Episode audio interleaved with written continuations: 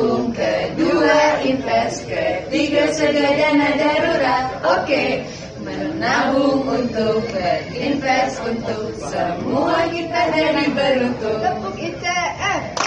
Cerdas, cermat, keren.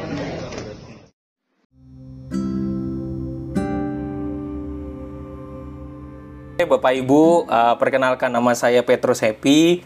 Uh, terima kasih juga Pak Kristan udah mengajarkan tentang toleransi dan uh, uh, kebebasan ya ke, termasuk kebebasan beragama dan yang menarik buat saya saya catat di sini tadi langkah untuk kerjasama antar umat beragama harus menebarkan kebaikan. Jadi saya pikir ini mimpi saya juga bisa menebarkan kebaikan buat Bapak Ibu dan ini memang mimpi saya untuk menyebarkan hal ini khususnya terkait dengan uh, um, bagaimana kita uh, mengatur keuangan kita khususnya ini termasuk dalam pendidikan karakter keuangan ya di masa pandemi ini. Sebenarnya kalau kita baru nata keuangan di masa pandemi mungkin terasa uh, uh, berat ya, tapi uh, izinkan saya untuk berbagi, untuk sharing dari pengalaman hidup. Saya nggak terlalu banyak teori, saya hanya berdasarkan pengalaman hidup. Dan nanti uh, Bapak Ibu pasti juga uh, nanti akan melihat uh, pengalaman kisah pengalaman. Ada cerita yang seru di masa pandemi ini nanti saya akan sharing. Waktu saya dari jam 14.20 ya kalau nggak salah 14.20 hingga sampai jam 15.10 maka uh, izinkan saya berbagi. Uh, saya mau nyapa dulu buat Bapak Ibu di sini saya juga dapat info dapat bocoran dari uh, Ibu Ayu ya katanya di sini yang hadir itu dari komunitas UMKM, kuliner, fashion, ekspor impor, terus kemudian dari komunitas jamu juga dan mungkin ada dari mahasiswa juga ya. Saya izin dulu bagi uh, bagi datanya dulu buat Bapak Ibu uh, bisa nanti diambil ini PDF-nya juga saya kasih apa yang mendasari saya untuk berbagi kisah berbagi kisah ini uh, kepada Bapak Ibu. Sebentar saya ambilkan dulu ya datanya. Uh, sekaligus uh, saya akan share ini satu lagi.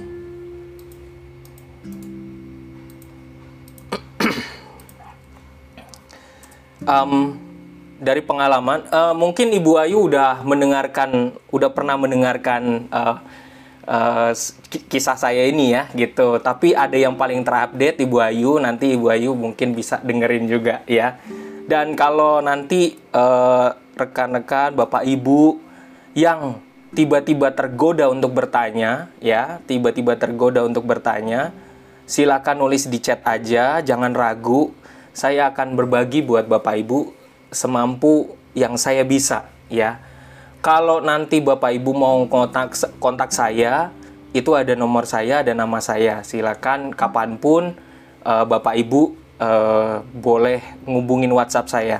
Dari SMP dulu WhatsApp saya cuma satu, nggak pernah ada nomor yang lain dan nggak pernah ganti sampai sekarang. Ya, um, saya lanjut, saya mau share screen. Terima kasih yang uh, Bapak Ibu udah partisipan jumlahnya di sini 14. Saya pastikan Anda akan mendapatkan ilmu yang berharga hari ini secara gratis. Um, dan ini mimpi saya untuk memberikan kepada Bapak Ibu karena pengalaman hidup saya yang pernah susah dulu.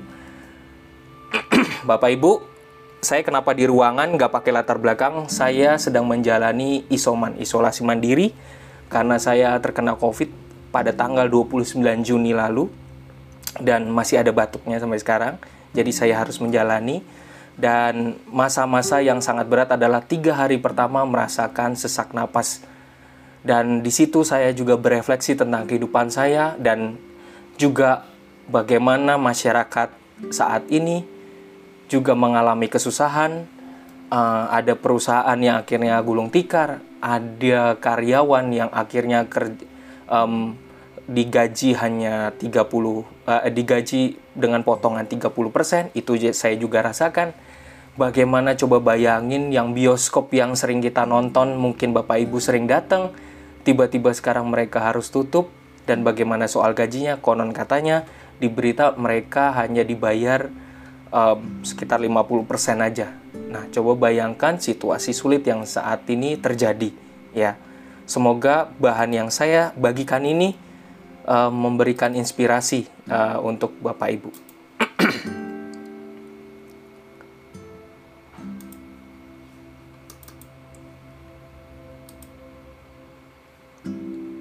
Uh, saya ini dulu kok saya nggak mau untuk share screennya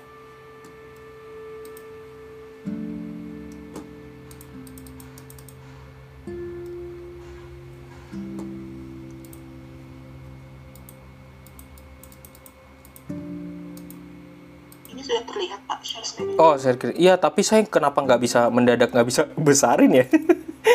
Saya kecilin aja.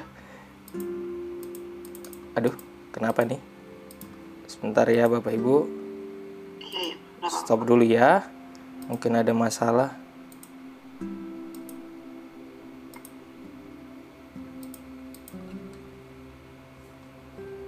Ah, ternyata bisa. Cuman melambat.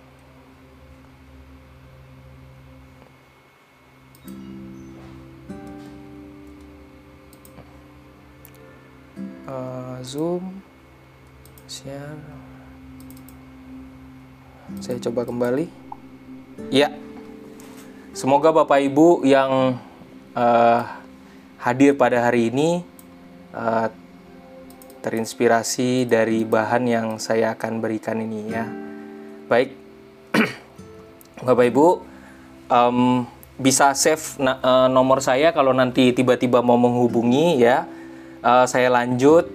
Em, ini apa yang udah lama saya saya niatkan eh, saya em, ingin banget belajar tentang keuangan ketika saya dulu hutangnya banyak banget. Terus kemudian akhirnya di sebelah kanan atas adalah saya ketemu dengan dua mentor saya yang akhirnya mengajarkan saya tentang keuangan dari utang yang dulu banyak banget sehingga akhirnya sekarang udah ber- berubah sama sekali akhirnya bagaimana cara berinvestasi? Sebelah kiri adalah mahasiswa binus alam sutra. Uh, mereka kelas internasional dan uh, saya berbagi untuk mereka supaya bagaimana mereka duitnya banyak sejujurnya anak-anak muda yang duitnya banyak tapi mereka nggak bisa ngatur keuangan. Di kiri bawah itu adik saya bersama istrinya di tengah itu adalah teman-teman kantor yang sebentar lagi mau pensiun di sebelah kanan bawah adalah mahasiswa yang bersemangat sekali setiap kali pulang kuliah kami kumpul untuk berbahas soal investasi ini di sebelah kiri adalah waktu saya pertama kalinya bersama mahasiswa eh, kumpul untuk ngomongin soal keuangan, soal investasi. Di sebelah kanan adalah sebuah kenekatan saya untuk mengadakan eh, apa namanya eh, sesi tentang keuangan yang dihadiri semua oleh para manajer. Kenekatan saya waktu itu. Jadi saya rasa patut semua masyarakat baik kelas menengah atas maupun bawah harus uh, belajar tentang karakter keuangan. Ini kenapa saya nyantumin ini karena dalam undang-undang dasar kita eh dalam Pancasila, Pancasila tuh ada sila kelima yaitu keadilan sosial bagi seluruh rakyat Indonesia. Dan yang menarik buat saya adalah dalam Undang-Undang Dasar 1945 banyak banget hak yang kita terima sampai saat ini. Banyak hal banget yang kita bisa syukuri sampai saat ini. Termasuk hak untuk mengembangkan diri dan berhak untuk mendapatkan pendidikan, ilmu pengetahuan, dan teknologi. Menurut saya di bagian itulah yang kurang. Sehingga terjadi kesenjangan antara masyarakat yang kelas menengah atas dengan kelas menengah ke bawah. Pemerintah sekarang menggencarkan gerakan salah satunya dalam gerakan literasi nasional, salah satunya adalah literasi finansial. Agar kita paham sungguh dengan berbagai macam layanan produk, keuangan, bahkan kita juga jadi paham, oh di masyarakat kita semangat gotong royong ya yang luar biasa. Oh di masyarakat kita ada koperasi ya. Koperasi yang benar tuh kayak gimana gitu. Dan kadang-kadang sadar atau tidak mungkin bisa ditulis di chat supaya saya tahu apakah Bapak Ibu eh, saya pengen tahu siapa yang juga ikut arisan, arisan di keluarga, arisan di em, teman-teman, di tetangga, ya. Mungkin bisa nulis di chat jadi saya bisa tahu, ya. Jadi aktivitas-aktivitas eh, perencanaan keuangan kita bisa tahu. Di sekolah ada kan siswa berbelanja di koperasi sekolah. Eh, terus kemudian menggunakan uang sekolah untuk dibelanja di koperasi. Di keluarga juga ada anak-anak kasih uang, terus habis itu orang tuanya pasti bilang jangan sampai lupa ya ditabungin ya, disimpan ya uang sakunya ya. Terus kadang-kadang juga jangan lupa untuk bagiin juga buat orang yang susah. Kalau ada yang ini kasih ya. Kadang-kadang juga di waktu di rumah mungkin ada yang bermain monopoli ya gitu. Di masyarakat ada edukasi. Nah, di masyarakat inilah yang saya lakukan ini gerakan literasi finansial. Faktanya, masyarakat kita khususnya saya juga belajar dari mentor saya tadi yang sering siaran di radio Smart FM setiap hari Rabu. Ba sebenarnya banyak juga generasi kita yang belum melek finansialnya. Punya duit, yes punya duit, tapi belum uh, melek secara finansial ada yang pengemudi driver nekat ngambil ya nekat ngambil kredit tapi nggak punya tabungan ya. Terus kemudian ada juga udah sharing nih seorang ibu dari Jogja real gaji 10 juta tapi minus terus. Akhirnya konsultasi ngobrol lah sama saya. Saya bukan pakar tapi saya setidaknya bisa membantu memberikan pandangan-pandangan uh, pandangan -pandangan, dan akhirnya ibu ini akhirnya bisa nabung. Nah ibu dari Jogja ini sekarang suaminya itu dipecat dari uh, dari hotel terus kemudian dikasih pesangon dan akhirnya uangnya dari suaminya di maintain sekarang udah bisa di maintain hati-hati banget ngatur duitnya. Nah nanti saya kasih triknya tips and trick. Kalau saya mah tips and trick aja buat bapak ibu ya di masa pandemi. Ada dosen loh yang punya uang 50 juta tapi bingung mau di, diapain. Baik ibu puji. Ini ibu puji ya Halo, saya penasaran di chat nih. Ini bapak atau ibu nih? Pu ibu pak. Oh iya iya, oke ya nanti kita bahas ya, nanti kita bahas ya. Saya chatnya sambil lihat soalnya penasaran. Saya tuh uh, greget kalau kita dikasih kasus tuh, saya greget. Uh, ada mahasiswa, mahasiswa binus, bener-bener deket sama saya. Dan dia waktu dikasih orang, dipi, dititipin sama orang tuanya, dika, dikasih 5 juta, maksudnya suruh tabung nekat dimasukin Bitcoin, jebol duitnya hilang tuntas. Tapi begitu orang tuanya nagih, 5 jutanya mana? Ya sorry mah, duitnya udah hilang semua buat main Bitcoin. Oke, jadi bukan salah duitnya. Duit nggak pernah salah, tapi mindset kita bahwa kita masih benar-benar belum melek finansial. Bahkan ada permasalahan di kasus Maybank, bahkan ada marak investasi bodong yang ngasih untung 30%, Uh, terus kemudian bahkan kita di antara bapak ibu pasti juga ada yang menghadapi namanya generasi sandwich. Generasi sandwich maksudnya begini, bapak ibu sekarang membiayai anak-anak sekaligus membiayai orang tua. Jadi double pengeluaran, di mana kadang-kadang kita berhadapan situasi saat ini, di saat itu, terus kemudian kita bingung harus mencari pemasukan dari mana lagi, ya karena ada generasi sandwich itu. Nah, ada investasi bodong miles, skema ponzi, terus kemudian ada terjadi korupsi asuransi Jiwasraya, ada juga masalah di PT Hansen Internasional, ada investasi bodong Mia Gold trading di Yogyakarta. Kenapa saya harus sebutin ini? Saya nggak takut untuk cerita ini karena nyebutin nama, ya. Karena memang real kasusnya, benar-benar ada dan ini memang perlu diangkat saya kenapa saya mau berbagi saat ini dan ini mimpi saya buat bapak ibu yang hadir di sini? Karena faktanya keluarga saya nggak punya tabungan. Saya keluarga saya pernah kesusahan dalam keuangan. Bahkan saya S2 minus sama sekali. Sehingga saya harus ngutang saya harus kerja keras. Karena nggak punya uang sama sekali nekat nekat ngambil S2 utang sana sini lalu juga ada masalah di dalam keluarga, nggak ada laporan keuangan, keterbukaan keuangan, keluarga kurang tahu investasi, yang hanya tahu bagaimana punya rumah dan punya tanah. Dah, investasi yang lain nggak ngerti. Dan keluarga saya juga ngalami generasi Zionis bahkan masih sampai sekarang juga masih. Ayah ibu pada masa tuanya sekarang mendiang ayah udah meninggal, ayah udah meninggal, ibu masih ada, nggak punya dana darurat, nggak punya dana pensiun, ya. Bahkan saya diramalkan sebenarnya ketika saya konsultasi paling ideal Pak Happy kalau kamu mau tenang, hidupmu tenang, nggak usah ngapa-ngapain. Kamu harus punya uang dalam hidupmu tuh 5 miliar nanti di masa tua. Jadi tenang aja gitu. Nah, ini adalah siklus kehidupan keuangan. Ada tiga, ada, ada tiga buku yang menginspirasi saya. Satu, Psychology of Money. Dia bilang, jangan dong pandang orang kalau misalnya orang itu sukses, berarti dia orang kaya. Kalau misalnya dia orang uh, orang miskin, berarti dia itu orang malas. Nggak bisa begitu.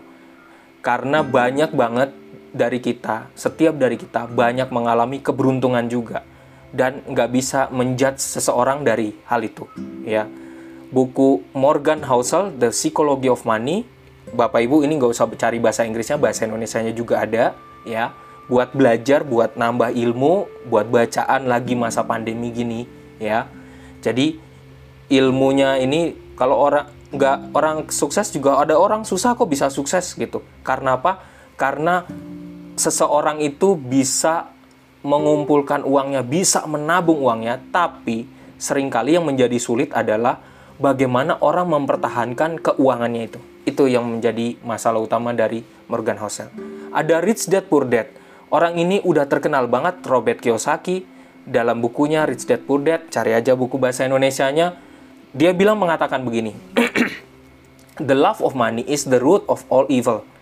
Kalau kita terlalu mencintai uang, itu adalah akar dari setan tuh ya gitu kekurangan uang itu juga akar dari setan jadi kita harus pas-pas saja kalau enggak kita harus punya investasi yang pas intelligent investor bapak ibu pasti pernah dengar kan kalau lagi buka HP pernah dengar namanya Warren Buffett? Nah Warren Buffett itu punya guru namanya Benjamin Graham. Nah Benjamin Graham dia bilang kalau kita investment kalau kita uh, menginvesta menginvestasikan sesuatu ya jangan main tebak-tebak ya tebak-tebak kancing jangan. Tapi pelajari dianalisa dipelajari perusahaan itu bagus atau enggak dipelajari banget. Bagaimana dari dulunya jangan kata orang. Ini kata orang nih kata orang gitu. Makanya saya belajar di buku ini dia ngajarin cari aja buku bahasa Indonesia nya ada itu mengajarkan kita harus mempelajari. Oke kita masuk.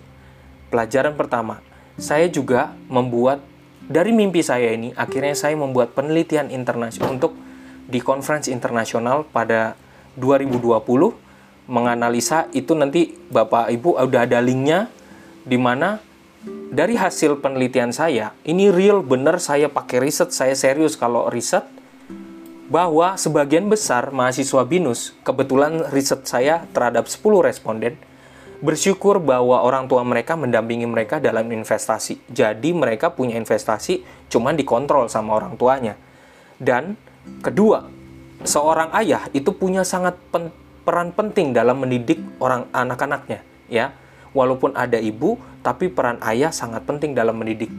Karena mungkin dalam kita berada dalam situasi patriarkal, ya, dan juga ayah menjadi sosok yang kalau misalnya kalau kita lihat TNI ya, ayahnya bekerja cari uang, ibunya jagain anak gitu, ya. Peran ayah menjadi hal yang sangat penting. Namun, baru 50% mahasiswa dari 10 responden ini membuat catatan keuangan dan mereka sangat familiar dengan fintech. Kita lanjut ya. Saya akan buat tiga tips. Tips yang sederhana untuk paling cocok di masa pandemi ini Bapak Ibu pasti lebih jago dari saya, apalagi udah yang di sini udah ada yang punya usaha, ya bermacam-macam. Tapi semoga ini bisa menyempurnakan dari uh, menyempurnakan untuk uh, Bapak Ibu, ya. Tips pertama harus menabung. Kenapa kata ada kata menabung? Dengan cara kita menabung, kita belajar membedakan kebutuhan dengan keinginan. Kalau kita banyak duit, kita pegang duit itu di hadapan kita, pasti kita pengen belikan sesuatu. Tapi pertanyaannya, itu kebutuhan atau keinginan? Maka, ketika Bapak Ibu pegang uang yang banyak, mau dari THR kayak mau dari gaji kayak mau dari sumbangan ada dari nikahan em, dari anak-anaknya ya. Kalau bisa tanya dulu ketika mau make sesuatu. Ini kita mau membelikan kebutuhan itu ini penting nggak? Ini perlu nggak? Ini berguna nggak? Ya. Dan kita menghemat itu fokus pada tabungan masa depan. Dengan begitu kita menabung. Ya. Saya lanjut dulu. Dulu, bahkan sekarang, bahkan anak Anda, Bapak Ibu, di sekolah pasti diajarin buku tabungan ini. Ini buku tabungan real yang saya alami dulu di SMP sama di SD. Ya, di SMP dan di kita ngasih uang ke sekolah, terus kemudian uh, mereka ngajarin kita supaya nabung, supaya nanti kalau misalnya dengan menabung itu, nanti kita kalau misalnya ngambil kertas ulangan, beli baju, uh, ngambil alat pensil, sekolah-sekolah uh, sekolah udah menyediakan, tinggal kita dipotong dari buku tabungan. Sekolah tuh udah ngajarin dengan luar biasa, ya. Pertanyaannya, sekolah menurut saya yang menjadi masalah adalah sekolah tidak mengajarkan berinvestasi. Begitu titik poin saya. Walaupun sekolah mengajarkan untuk kita menabung, tapi kita nggak pernah tahu duit itu ke mana. Duit itu mungkin di koperasi kah, duit itu diinvestasi ke reksadana atau ke saham, kita nggak nggak pernah tahu, ya. Tapi yang menariknya, di sekolah kita juga belajar tentang uang kas sekolah. Kita belajar uang sukarela juga, ya. Nah, faktanya di kaum muda sekarang adalah kita terbiasa dengan aplikasi. Dulu zaman saya kecil di SMP, di SD nggak tahu. Sekarang udah berkembang banget teknologi. Indonesia men semenjak waktu penelitian saya di 2015 dan 2016 bahwa Indonesia akan internet akan makin meluas. Ternyata dalam sejarah 10 tahun, 15 tahun kita tarik ke belakang, ternyata sektor keuangan di Indonesia itu paling tinggi. Maka ini menjadi momennya di mana akhirnya fintech-fintech yaitu financial teknologi bermunculan agar duit itu nggak hanya di, berhenti di bank doang, tapi bisa dipakai secara virtual juga. Mulai tren OVO, Dana, GoPay, Link aja, Investri, Bitcoin, Halovina, kita bisa. Fintech-fintech yang bermunculan menyimpan mereka menyimpan dana yang luar biasa. Pada akhirnya bank-bank terkalahkan oleh mereka. Makanya kayak misalnya um, ada bank besar mulai dia bikin uh, link aja ya, terus kemudian ada GoPay ya, duitnya terpencar lagi nggak taruh di bank aja, terus kemudian ada Genius dari BTPN ya muncul ya jadi banyak ya. Oke kita lanjut. Masalahnya adalah kadang-kadang kita nggak tahu nih untuk bener, uh, kita kalau kita kadang-kadang yang membuat kita tergoda naruh di fintech adalah begitu naruh di OVO sama Dana, kita pikir kita bisa nabung. Ternyata kalau kita taruh di GoPay aja langsung kita jajan, ya. Maka strateginya dalam apalagi dalam situasi pandemik ini, Bapak Ibu, khususnya ada mungkin ada pemotongan gaji, ya, ada kita harus benar-benar hemat kali ini. Maka saya masih ingat persis yang diajarkan oleh mentor saya. Begitu terima gaji, begitu terima THR, tolong langsung bagi 50%-nya, 20%-nya langsung disendiriin. Ini strategi saya ya, tidak diwajibkan. 20%-nya jangan diganggu gugat, ditabungin sendiri di reksadana, disimpan, nggak boleh diganggu gugat. 30%-nya buat uh, untuk uh, wanti-wanti ya, 50%-nya untuk kebutuhan sehari-hari. Diatur. Nanti saya kasih tahu strategi ini memang ada faktanya. Ya, kita akan lihat. Baik, Bapak Ibu, di tips kedua adalah setelah kita nabung, jangan sampai lupa Bapak Ibu. Rekan-rekan muda wajib membuat laporan keuangan. Berapa, berapa, beberapa, apa, berapapun uang Bapak Ibu, rekan-rekan muda, jangan sampai lupa untuk membuat laporan keuangan. Kenapa? Dengan laporan keuangan, kita tahu kondisi keuangan kita saat ini. Saya akan beri setelah slide berikut, saya akan memberikan fakta real yang uh, benar-benar ada, ya. Kita lanjut ya. Ini adalah se sebuah laporan keuangan teman saya yang ada di HRD Politron, ya. Seorang HRD Politron di Politron ya. Biar real, biar Bapak Ibu tahu um, tapi nggak usah telepon Politron ya, nggak usah ya. Tapi um, biar rekan-rekan tahu uh, bahwa uh, ke, ini teman saya minta ajarin saya eh, minta ajarin berinvestasi, tapi saya minta buat laporan keuangan dulu. Oke, gajinya 5 juta 100. Bulanan istrinya 2 juta 500. BPJS untuk ortunya 300. BPJS untuk ortunya 300. Berarti teman saya ini harus membayari untuk orang tuanya. Internet rumah ortu 384 pasca bayarnya untuk dia 220, pampers anaknya 125, bensinnya 300, rokok satu bulannya 600, ya. Jadi, kalau menurut Ibu Puji dan rekan-rekan yang hadir di sini, boleh tulis di chat mana yang kira-kira bisa dikurangin. Mungkin Ibu Ayu bisa tulis kembali apa yang bisa dikurangin kira-kira. Kalau kita memastikan kembali dalam laporan keuangan ini, sebenarnya apa yang bisa kita kurangin ya? Saya tunggu di chat ya. Kalau ada yang bisa menulis ada yang tahu mana yang sebenarnya kita bisa kurangin ya. Jadi saya juga kaget pas waktu terima gini loh kok kamu bisa nabungnya cuma 670 jadi jawabannya sebenarnya adalah rokok. Rokok itu harus dikurangin ya rokok itu harus dikurangin ya jadi ini menjadi masalah Bapak Ibu, rekan-rekan muda, uh, ini baru gajinya 5 juta 100. Oke, semoga Bapak Ibu bisa lihat ini benar-benar real, fresh, baru lima hari yang lalu ada seorang mahasiswa uh, binus online yang curhat ke saya. Dia bingung, gajinya mencapai nyaris mencapai 20 juta tapi kenapa nggak bisa nabung? Dia punya berpendapat kuat, jadi intervensi sama saya. Dia punya pendapat kuat. Kalau gaji naik, Pak, gaya hidup tuh naik, Pak, gitu. Nggak mungkin bisa dikurangin. Lihat nasib saya setiap bulan. Saya nggak bisa, Pak, nabung. Saya cuma punya 200. KPR, 3.500. Asuransi, terus kemudian Habis itu asuransinya 3 juta.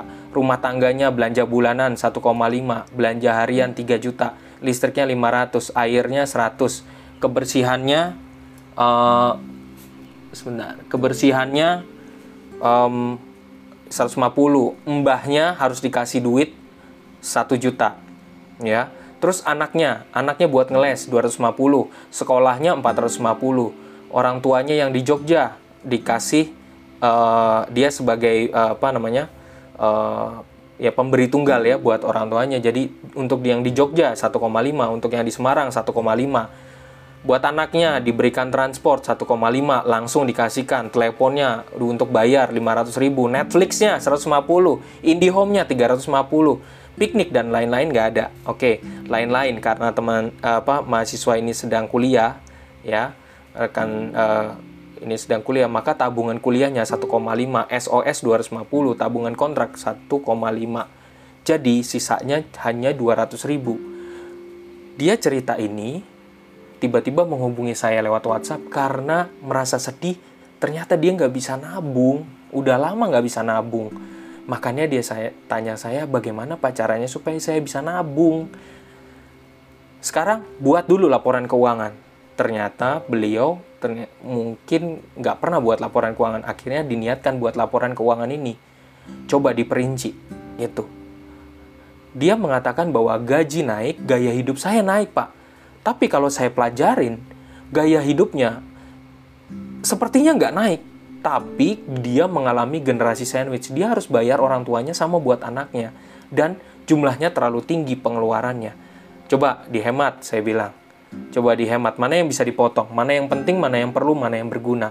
Ternyata pas sudah dipotong, habis itu dia info lagi, Pak, bisa nih kayaknya, saya nabung bisa 2 juta nih. Ya, gitu. Oke, kalau gitu kesimpulannya, dengan membuat laporan keuangan, kita bisa menentukan, kita bisa memprediksi berapa sebenarnya kekurangan kita, berapa sebenarnya kelebihan kita, dan berapa yang bisa kita hemat.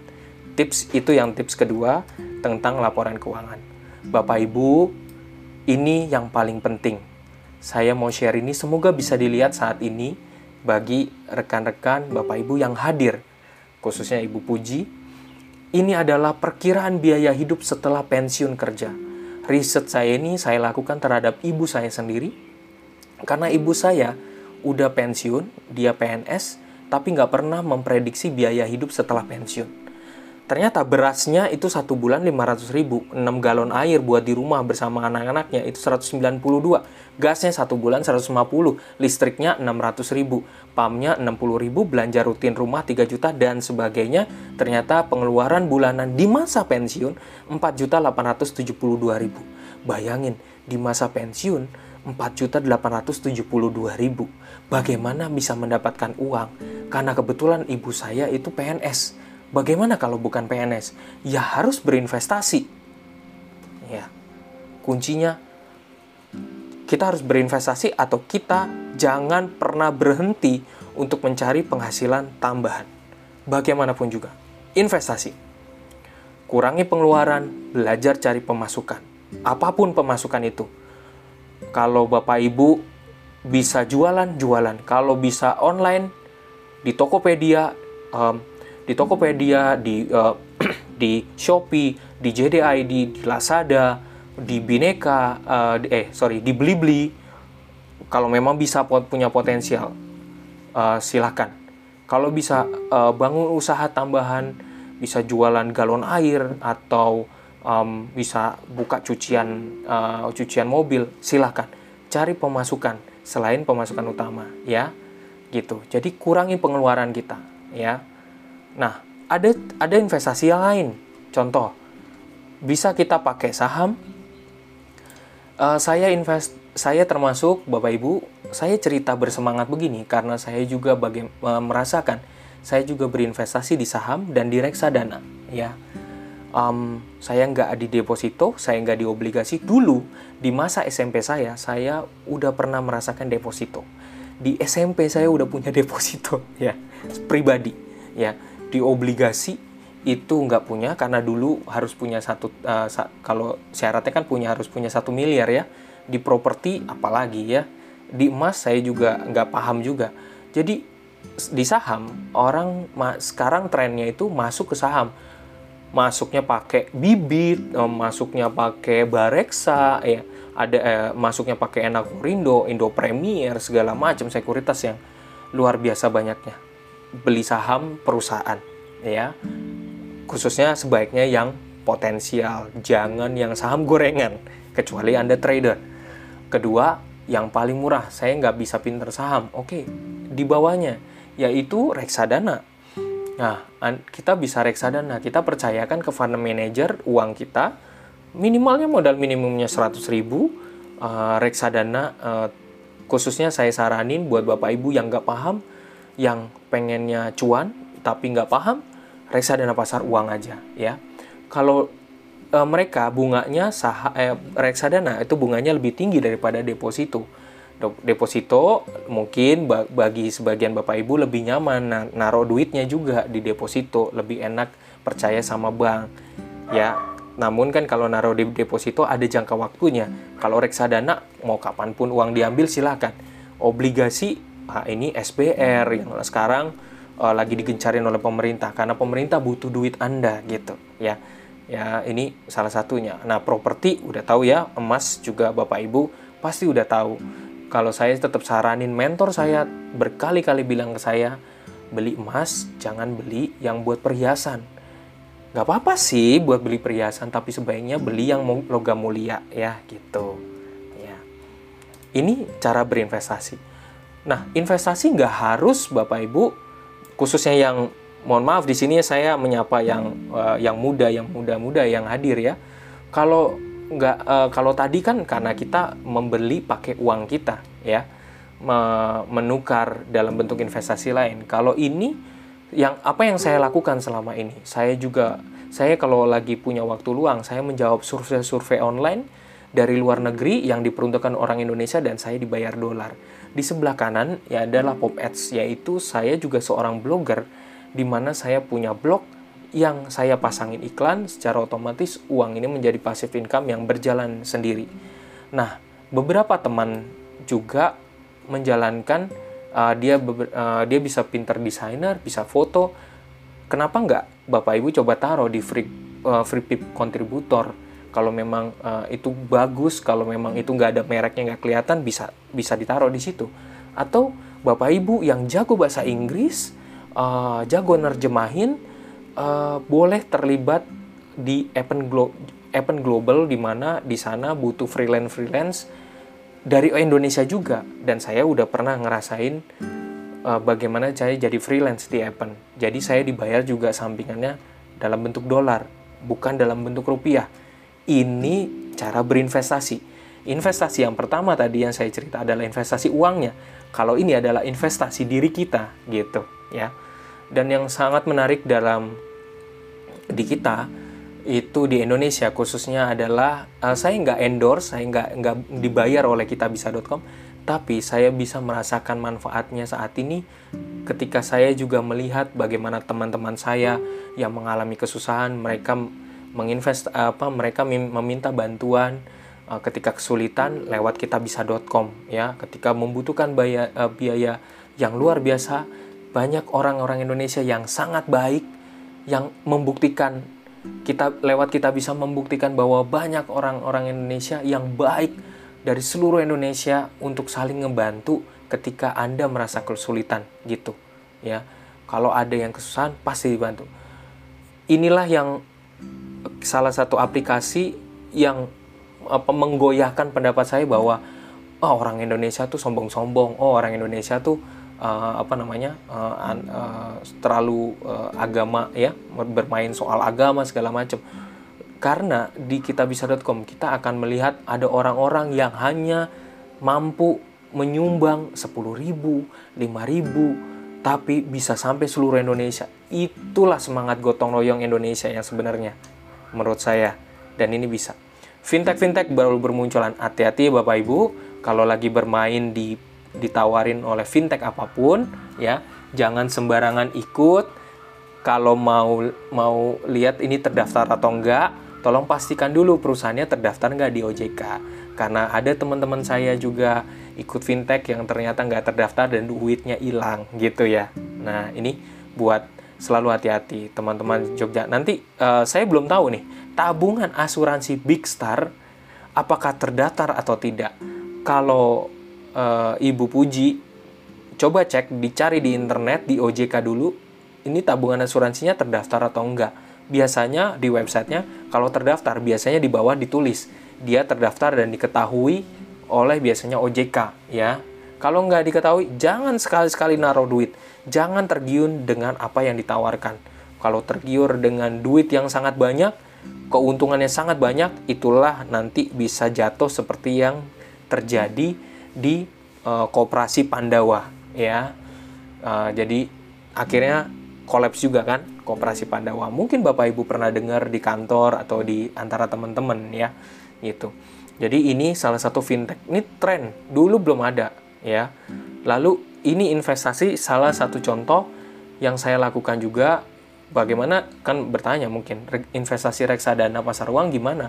Nah, kita mempercayakan kepada salah satu sekuritas yang memiliki reksadana pasar uang, kita masuk di dalam investasi tersebut, membiarkan uangnya diputar. Saya selalu mengajarkan, saya tidak pernah di-endorse oleh siapa pun, tapi kalau ayang memberikan manfaat buat saya secara luar biasa, pasti saya sharingin. Maka saya menggunakan juga dari pengalaman saya menggunakan Indo Premier karena uangnya itu diinvestasikan. Daripada saya taruh di bank maka duitnya biar diinvestasikan oleh fund manager ya. Kalau kita taruh di bank pasti kepotong 14.000 17.000 duitnya nggak nambah gitu. Bukan saya mengajari ih culas banget ya ih cari untung banget ya. Bukan. Seharusnya kalau Benjamin Graham maupun Warren Buffett maupun mungkin Bapak Ibu pernah kenal namanya Lo Keng Hong ketika Bapak Ibu berinvestasi paling tidak itu memunculkan keuntungan untuk Bapak Ibu ya. Itu satu uh, sebuah prinsip dasar. Kalau tiba-tiba rugi pasti Bapak Ibu pasti nangis gitu. Apalagi hilang ya. Karena kemarin keluarga anggota keluarga juga ada yang ikut koperasi ternyata koperasinya penipuan ya ada namanya peer to peer lending ya. Terus kemudian ini investri uh, peer to peer lending ini uh, bagaimana uh, cara mudah memahaminya khususnya buat rekan-rekan muda dan bapak ibu ya. Jadi kalau bapak ibu merasa ada uang dingin sebutannya uang dingin ya nggak terpakai dan mau diinvestasikan bahkan bapak ibu nggak punya usaha maka Bapak Ibu bisa menginvestasikan uangnya untuk membantu membiayai perusahaan ya eh, dan memberikan permodalan untuk mereka. Saya saranin kalau misalnya turun di Investri ini apa pun itu misalnya kayak Coinworks, kayak Investri gitu, pastikan dia harus grade-nya grade A+ gitu. Jadi memberikan bantuan uh, jadi Bapak Bapak Ibu nggak nggak nggak perlu ada uh, bangun usaha tapi bisa berinvestasi dan pasti ada imbal hasil ya. Tapi saya sa tapi rekomendasi saya untuk saat ini karena perekonomian lagi seret sebaiknya tidak tapi ini bagus untuk dipelajarin ya. Bapak Ibu pasti pernah kenal dengar dong kalau misalnya juga nabung pasti berinvest buat uh, namanya kalau investasi ada namanya real asset sama paper asset ya. Terus kemudian dana pendidikan itu ada tabungan, ada proteksi tabungan itu ada pendidikan, deposito, proteksi itu ada asuransi. Mungkin Bapak Ibu pernah dengar juga namanya Indolife, uh, Charlife, terus kemudian ada reksadana iPod, saham Enakorindo, surf, uh, terus kemudian pernah dengar yang soal uh, asuransi macam-macam. Sekali lagi, apa yang saya pelajari dari Benjamin Graham, gurunya dari Warren Buffett, kalau mau berinvestasi, Bapak Ibu perlu mempelajari analisa dengan baik perusahaannya, potensinya, ke depannya, jangan sampai zong untuk Bapak Ibu ya. Itu sangat penting banget.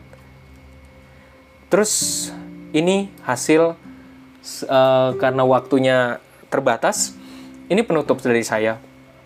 Tips keuangan pada masa pandemi ya.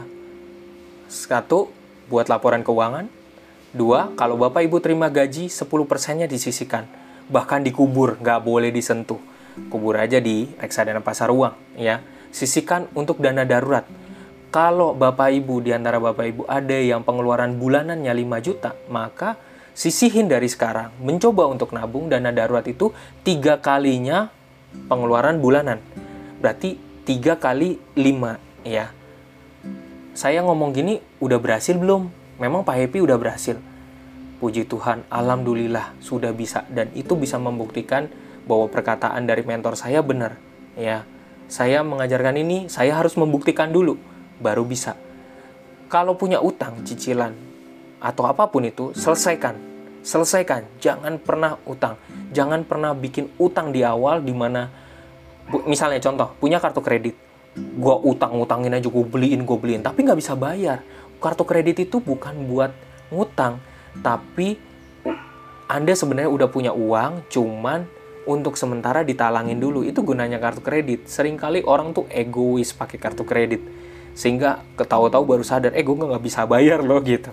Nah, yang paling terpenting, kalau terima uang jajan, terima uang THR, diinvestasikan kalau nggak perlu dihabisin. Contoh, ada mungkin uang Bapak Ibu, misalnya setahu saya, seingat saya ya, ada temen yang berbicara begini, kalau misalnya udah mengabdi lama misalnya di Bank BCA, nanti ada masanya dikasih uang agak uang ya uh, maksudnya uang pengabdian ya gitu cukup banyak kayak gitu. Kalau gatel duit itu bisa dijajanin loh kalau gatel. Harusnya itu ditabungin di save untuk di masa tua. Jadi jangan pikir di zaman sekarang tapi uh, pikirlah di masa tua kita di masa pensiun ya gitu. Dana darurat tiga kali pengeluaran bulanan harus dipikirin sehingga kita bisa memitigasi resiko amit-amit. Contoh, amit-amit. Ketika Anda lagi bekerja, terus kemudian Anda di PHK. Pengeluaran bulanan Anda rutinnya itu 5 juta. Bagaimana Anda bisa menghidupi 3 bulan ke depan kalau Anda nggak membentuk dana darurat dulu untuk survive selama paling nggak 3 bulan, minimal 3 bulan kalau Tung Desem Waringin mengatakan yang paling cocok dia belajar juga dari gurunya. Yang paling cocok adalah 12 kali pengeluaran bulanan. 12 kali pengeluaran bulanan. Saya yakin Tung Desa Muaringin pasti juga udah membentuk itu 12 kali pengeluaran bulanan ya. Kalau mentor saya yang uh, di Smart FM dia mengatakan minimalnya adalah tiga kali pengeluaran bulanan untuk membentuk dana darurat. Mahasiswa yang saya dampingi tadi yang gajinya nyaris 20 juta, saya ajarin juga cara yang demikian. Jadi sehingga bisa ya. Kalau Bapak Ibu punya pembantu, diajarin juga menurut saya diajarin juga berinvestasi, menabung paling enggak.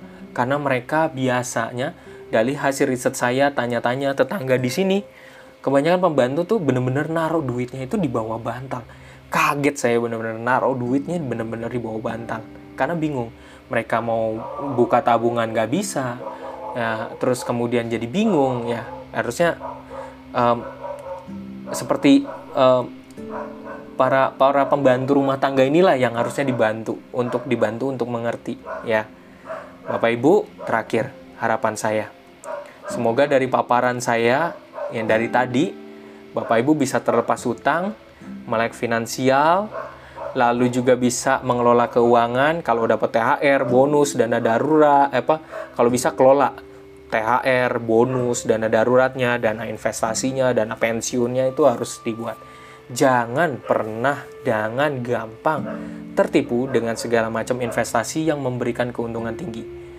Harapan saya saat ini adalah semoga bisa mewujudkan kemanusiaan yang adil dan beradab dan keadilan sosial bagi seluruh rakyat Indonesia. Ya, tips-tips yang saya bagikan semoga bisa membangun semangat dari sila kelima yaitu keadilan sosial. Saya nggak bisa kasih duit, tapi saya semoga bisa kasih ilmu dan bisa di uh, di ini dibagikan. Oke. Okay. Ya. termasuk dalam kategori uh, pendapat. Uh, sebentar Pak, saya coba. kaget, kaget, kaget saya. Tiba-tiba ada suara muncul, Bur. Kaget saya. Oke, monggo, monggo Pak. Eh, siapa nih dengan siapa? Uh, enggak tadi suaranya bocor Pak. Oh ya ampun. Oh iya iya iya. Mo mo mohon maaf. Double meeting. Oke, okay, nggak nggak nggak apa-apa. Oke, okay, Ibu Puji, untuk pertanyaan uh, bagi uh, uh, sekarang masuk sesi pertanyaan apa pun boleh ditanyakan. Uh, kita berbagi. Uh, mungkin ada yang mau sharing. Uh, tadi juga saya udah sharing. Mungkin ada yang berbagi, ingin berbagi cerita. Dipersilakan karena semoga ini jadi kesempatan bagaimana uh, saya nggak nggak pinter banget uh, saya cuma bisa berbagi dari pengalaman hidup saya gitu semoga oh oke okay. Pak Petrus boleh minta salinannya? Tadi oh iya Ibu Lia. Uh, Ibu Lia saya lempar lagi ya C sebentar. Saya lempar lagi nih Ibu Lia nih. Sat. Ah, oke. Okay. semoga bisa diterima. Pertanyaannya tadi saya ter tetap tergelitik dengan pertanyaan Ibu Puji. Ya terima kasih juga atas doanya ke uh, terima uh, saya merasa bersyukur masih diberikan kesehatan, masih uh, bisa memberikan kebaikan ini untuk Bapak Ibu. Kalau Ibu Puji mau belajar, WA saya langsung. saya ajarin, tidak bayar sekalipun. Saya ajarin, ya. Tabungan asuransi Big Star sekali lagi saya belum bisa menjawab terkait dengan hari ini, tapi konsep asuransi harus dipelajari dulu. Konsepnya dia apa? Asuransi jiwa, asuransi kesehatan atau asuransi unit link ya dipelajari baik-baik tapi tapi harus disesuaikan dulu dengan tujuan ibu. Kalau ibu harusnya uh, duitnya dengan duitnya tabungan yang uh, dapat pemasukannya saat ini sangat terbatas jangan dipaksain bu untuk masuk di tabungan asuransi ya. Belum tentu tabungan asuransi itu bisa langsung diambil. Lihat kembali tujuannya lihat kembali tujuannya banyak kok masyarakat kita yang kadang-kadang belum sanggup juga untuk ikut asuransi kesehatan atau asuransi jiwa ya. Ya belum tentu gitu. Kadang-kadang dipaksain malah nggak bisa bayar gitu ya. Itu pernah ada kasus ada seorang ibu usia 40 demikian juga terjadi. Akhirnya nggak dia menghabiskan um, seluruh uangnya untuk mengcover uh, asuransi adiknya sama asuransi orang tuanya. Orang tuanya masih ada dua. Jadi dia bertanya pada saya, caranya gimana lagi ya ngasilin duit? Ya harus cari cara. Karena duitnya udah dikorbankan seluruhnya langsung di uh, asuransi ya gitu. Oke, semoga ibu ibu Lia bisa mendapatkan eh, ini ya um, salinannya. Nanti juga saya share hari ini uh, saya saya juga membuatkan podcast uh, juga nanti uh, biasanya saya simpan podcast saya. Nanti saya juga bisa share ke Ibu Ayu. Jadi Bapak Ibu bisa mendengarkan kembali kalau misalnya demen dengerin podcast di Spotify ya. Nanti juga ada linknya di sana sehingga mengambil salinannya ya untuk ngambil salinan datanya. Oke, Ibu Ayu, kayaknya waktu saya udah mau habis ya. Sorry ya Bapak Ibu. Uh, iya, saya terlalu saya kalau ngomongin keuangan ini kayak begini nih, terlalu bersemangat. Mohon maaf ya, karena saya uh, saya benar-benar mengalami dulu masa-masa yang sangat sulit, masa-masa yang um, jungkir balik, um, hidup yang sangat benar-benar susah. Tapi bukannya saya jadi sombong, tapi saya harus berbagi ilmu ilmu ini untuk bapak ibu, bahkan untuk ibu Ayu. ya gitu. Ya semoga uh, bisa membantu ya gitu. Kalau nggak kalau malu untuk cerita, saya yakin dari yang ibu Ayu kan pernah ngadain tuh yang tak bulan uh, tahun lalu ya bu ya atau awal bulan ya, saya lupa tuh waktu itu pernah. Nah, itu iya, iya kan? Tahu nggak Ibu Ayu? Yang abis itu yang kontak saya yang konsultasi ada berapa orang? Masalahnya serius-serius. Ta tapi saya yang paling muda, saya malu banget. Ada lima orang, Bu. Ada lima orang WA ngobrol. Padahal mereka usianya usianya udah expert. Udah. Berarti ini bagus, iya makanya. Jadi saya saya iya, jadi saya nggak nggak nggak nggak nggak harus hari ini ditanggapin, hari ini di di Zoom ini yang hadir banyak, kadang-kadang nggak berani untuk cerita, berbagi. Saya yakin nanti biasanya setelah di setelah udah selesai pasti banyak yang tanya. Harapan saya saya bisa membagikan benar-benar uh, uh, uh, kita Indonesia ini negara apa uh, berdasarkan Pancasila, khususnya ada sila kelima keadilan sosial yang benar-benar harus dibumikan benar-benar khususnya terkait dengan hak pengetahuan teknologi, hak pengetahuan tentang keuangan juga. Dan ini salah satu hal penting dalam pendidikan karakter keuangan. Pas waktunya habis. Terima kasih Bu Ayu. Nomornya Pak. Oh, oke. Okay. Boleh ya Pak ya. 0819 0508 82435 0819 05082435. Tulis aja Iya, tulis saja happy. Biasanya Pak supaya nggak lupa, tulis saja kasih nama saya di kontaknya Happy Binus. Jadi Bapak kalau nanti tiba-tiba ingat saya terus tapi lupa naruh di mana, Bapak aja ketik aja ingat aja namanya Binus. Nanti biasanya nama saya jadi muncul gitu. Oh, iya, gitu aja ya. Iya, betul gitu saya belajar dari pengalaman kemarin-kemarin gitu Oke baik, eh, terima iya. kasih Pak Petrus untuk terima kasih. materinya Pak. Iya, terima kasih untuk hari ini semoga bermanfaat untuk semua ya. Terima kasih. Iya.